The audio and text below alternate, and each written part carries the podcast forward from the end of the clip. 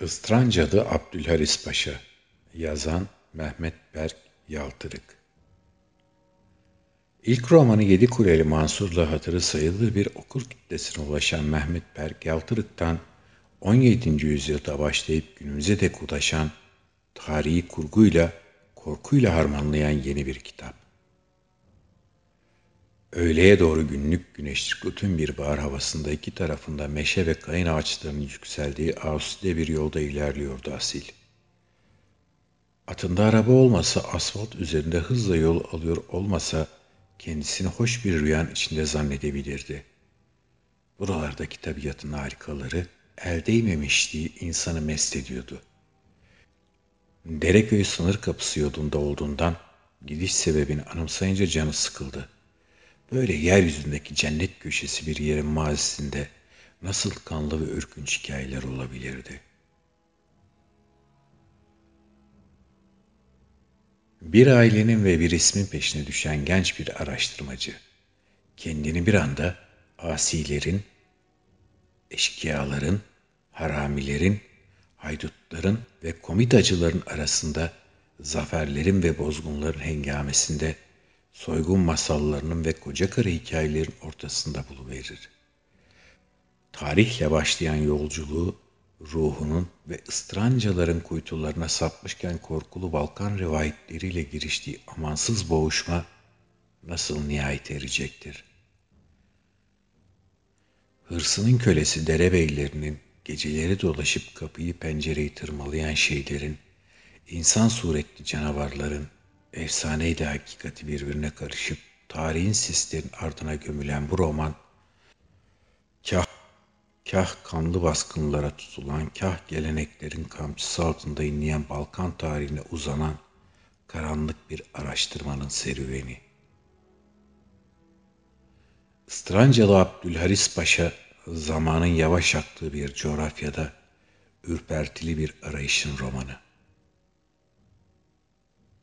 Şimdi de bu güzel kitaptan küçük bir ön okuma gerçekleştirelim. Birinci Bölüm 1665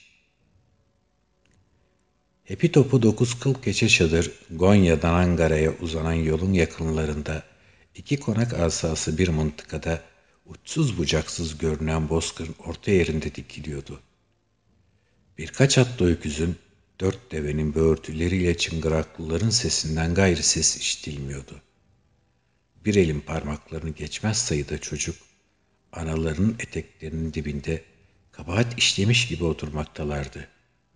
İçlerinden bazıları koşturmaya niyetleniyorsa da çadırların hemen karşısındaki ufak yükseltide çömelmiş vaziyette bekleyen İshak Bek'ten çekinerek duraksıyorlardı. Oba Bey'in mehabetle konuşmazken biri insana kartal misal tepeden bakan bir heybeti vardı. Orta boyluydu ama duruşundaki mağrurluk değme pehlivana taş çıkartırdı. Çoğu yörük gibi kavruk tenliydi. Ecel perçemi haricinde saçı tıraşlıydı.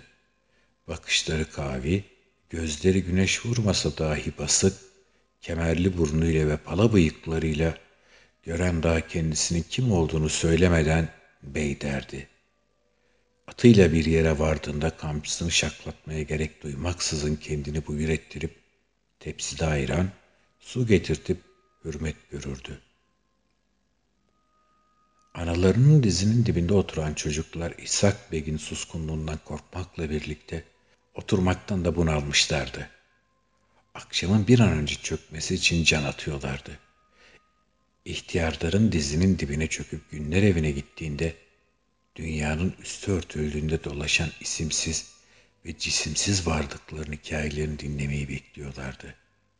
Sopalar hatlar üstünde tahtadan kılıçlarla cenk etmek kabil değilse yegane eğlenceleri buydu. Beş altı genç pür silah ortalıkta dolanıyordu. Gerisi birkaç yaşlıyla çokça kadından oluşuyordu. İşte Karçurlu Ovası bu haldeydi. Onca kaç göçten, harpten, isyandan, hastalıktan, ecelden kalma kılıç ve toprak artığı bir avuç insan. Hepsi de Karçoroklu İshak Beg'in eline bakıyordu. amcalarını, dayılarını, teyze ve hala çocuklarını Anadolu'nun kıracında, yollarda yitire yitire buraya varmışlardı. Hiçbir zaman sayıca fazla olmamışlardı. Şimdi ise yollarının sonuna geldiklerinin farkındalardı. Meselenin ağırlığını ziyadece hisseden İshak Bek'ti. Aklı da bileği, pençesi gibi sağlam olduğundan Ali Osman Padişah asi gelmektense suyuna gitmişti. Serdar Köprülü Mehmet Paşa'nın Anadolu'da Celali Abaza Hasan'dan yüz bulan sergederleri birer birer tepelemesi esnasında obasıyla orduyu Hümayun'a iştirak etmiş, Beylerbeyinin sancak beylerin emrinde kılıç savurmuştu. Bu sayede obasını hayatta tutmuş, orduyla göçmüş, göç ettikleri yerde otlak, su ve doyum bulmuşlardı. Üstüne İshak Beg'in beyliği sadece obasının taktığı bir isim olmaktan çıkmış, bizzat Serdar Paşa tarafından sanki tımar sahibiymişçesine bu unvanla kendisine hitap edilmişti. Devlet kapısının en güvendiği, taşla da kolu bellediği isimlerden biri haline gelmişti.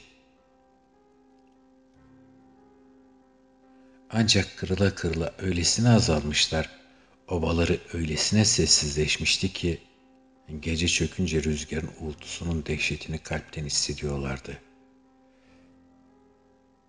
Bitkin düşmesini bekledikleri yolcunun üstünden gözlerini ayırmayan akbabaların, kurtların bakışları hep üzerlerinde gibiydi. Sanki asımları, sayıları tek tüke, çadırları teke düşene dek bekleyecek, ardından amansızca üzerlerine atılacaklardı. O gün geldiğinde eşkıyasından kurduna, canavarından ecinlinisine nice mahlukat gırtlaklarına çökecek, Karaçurlu obasının namı silinip gidecekti. İshak Bek, obanın en ihtiyarı Ayış Bibi'nin halaya böyle seslenirlerdi. Sallana sallana yanına geldiğini görünce ayağa kalktı. İlerlemiş yaşına ve eğrilmiş, uzunca çomağına dayanarak yürümesine rağmen azametinden bir şey kaybetmemişti. Kırış kırış yüzüyle asırdık ağaçları andıran Ayış Bibi, İhsan kılığına kıyafetine baktı. Osmanlı serdarının Anadolu'daki hareketleri esnasında asileri tepelettiği adeta ihsan eylediği bir cins kaftan üzerine geçirmiş, yine ordunun hareketi esnasında edindiği Halepli ustaların elinden çıkma kılıcını da kuşanmıştı. Bu vaziyeti Ayış Bibi'nin hoşuna gitmemişti. Ne arayan hala yol mu gözlen? İshak Bek, beklerim ya, kesenin ağzını açıverip Mimi dayıyla Gonya'da sofralardan birini Ali koca devlete dilediğimizi yazdırada geç vakit geçti. Bugün yarın haber gelir dedik ama ne gelen var ne giden. Daha ölmeden unutuverdiler bizi diye cevapladı. Belli çadırın önünde dinlemiş erini bekler avrat gibi yol gözlemenden değilse de gelin kız gibi süslenip püslenip Osmanlı'yı beklemenden belli.'' Obanın beyi olsa da Ayış bir lafını esirgemezdi. Zira bey dahil çoğu eline doğmuştu. Belki elli, belki altmış senedir. Karaçurda obasının yeni yürüyenleri onun ellerinde açmışlardı gözlerini dünyaya. İshak Bek'in bu laflar karşısında yüzü asıldı. Bebim sen başka türlü dilersin bilirim de senin dediğin bu vakitte olmaz.'' Yüreğin razı gelmezse değil mecbur. İhtiyar kadın feci yaşlanmaktan sönmüş gözlerini beyin gözlerine dikti. Osmanlı ile arandaki mesele başka. Benim dediğim başka.